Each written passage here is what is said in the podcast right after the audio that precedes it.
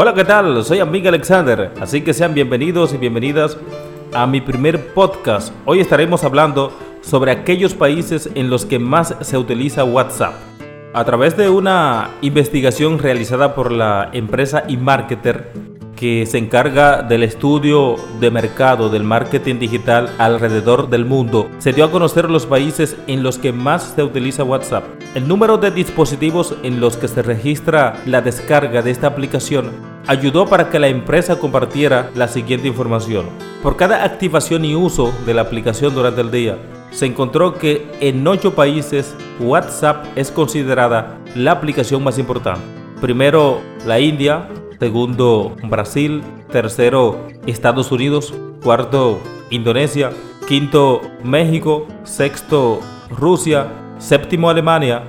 Y octavo Italia. Y Marketer le otorgó el primer lugar a la India, ya que el número de usuarios que utilizan la aplicación al menos lo hacen una vez al día, con un registro de más de 340 millones que han descargado WhatsApp en lo que resta del año. Por otro lado, los analistas descubrieron que el teléfono en el que más se ha utilizado la app es el Geophone, un teléfono muy popular en esta zona del mundo, además algunos otros celulares muy básicos, pero con acceso a Internet.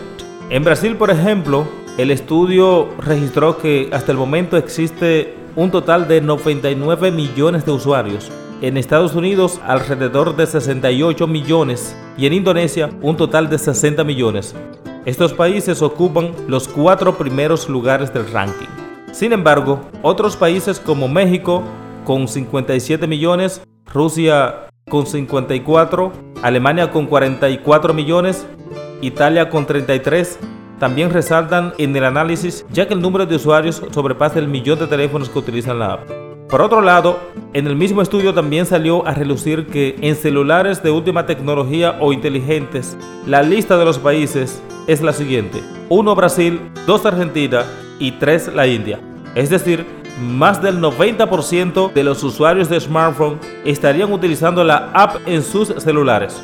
Otro de los datos importantes que compartió eMarketer fue que en su estudio no se han tomado en cuenta si el uso de WhatsApp lo han hecho a través de cuentas falsas o duplicadas. Finalmente, aunque los datos favorecen a WhatsApp, la empresa analista también ha previsto que próximamente Facebook Messenger tal vez logre doblar el número de usuarios que WhatsApp ha logrado alcanzar en los últimos años. Y de esta manera concluimos con este episodio. Les recuerdo seguirme en Instagram, ahí estoy como Amin Alexander C y en Twitter búscame como Amin Alexander.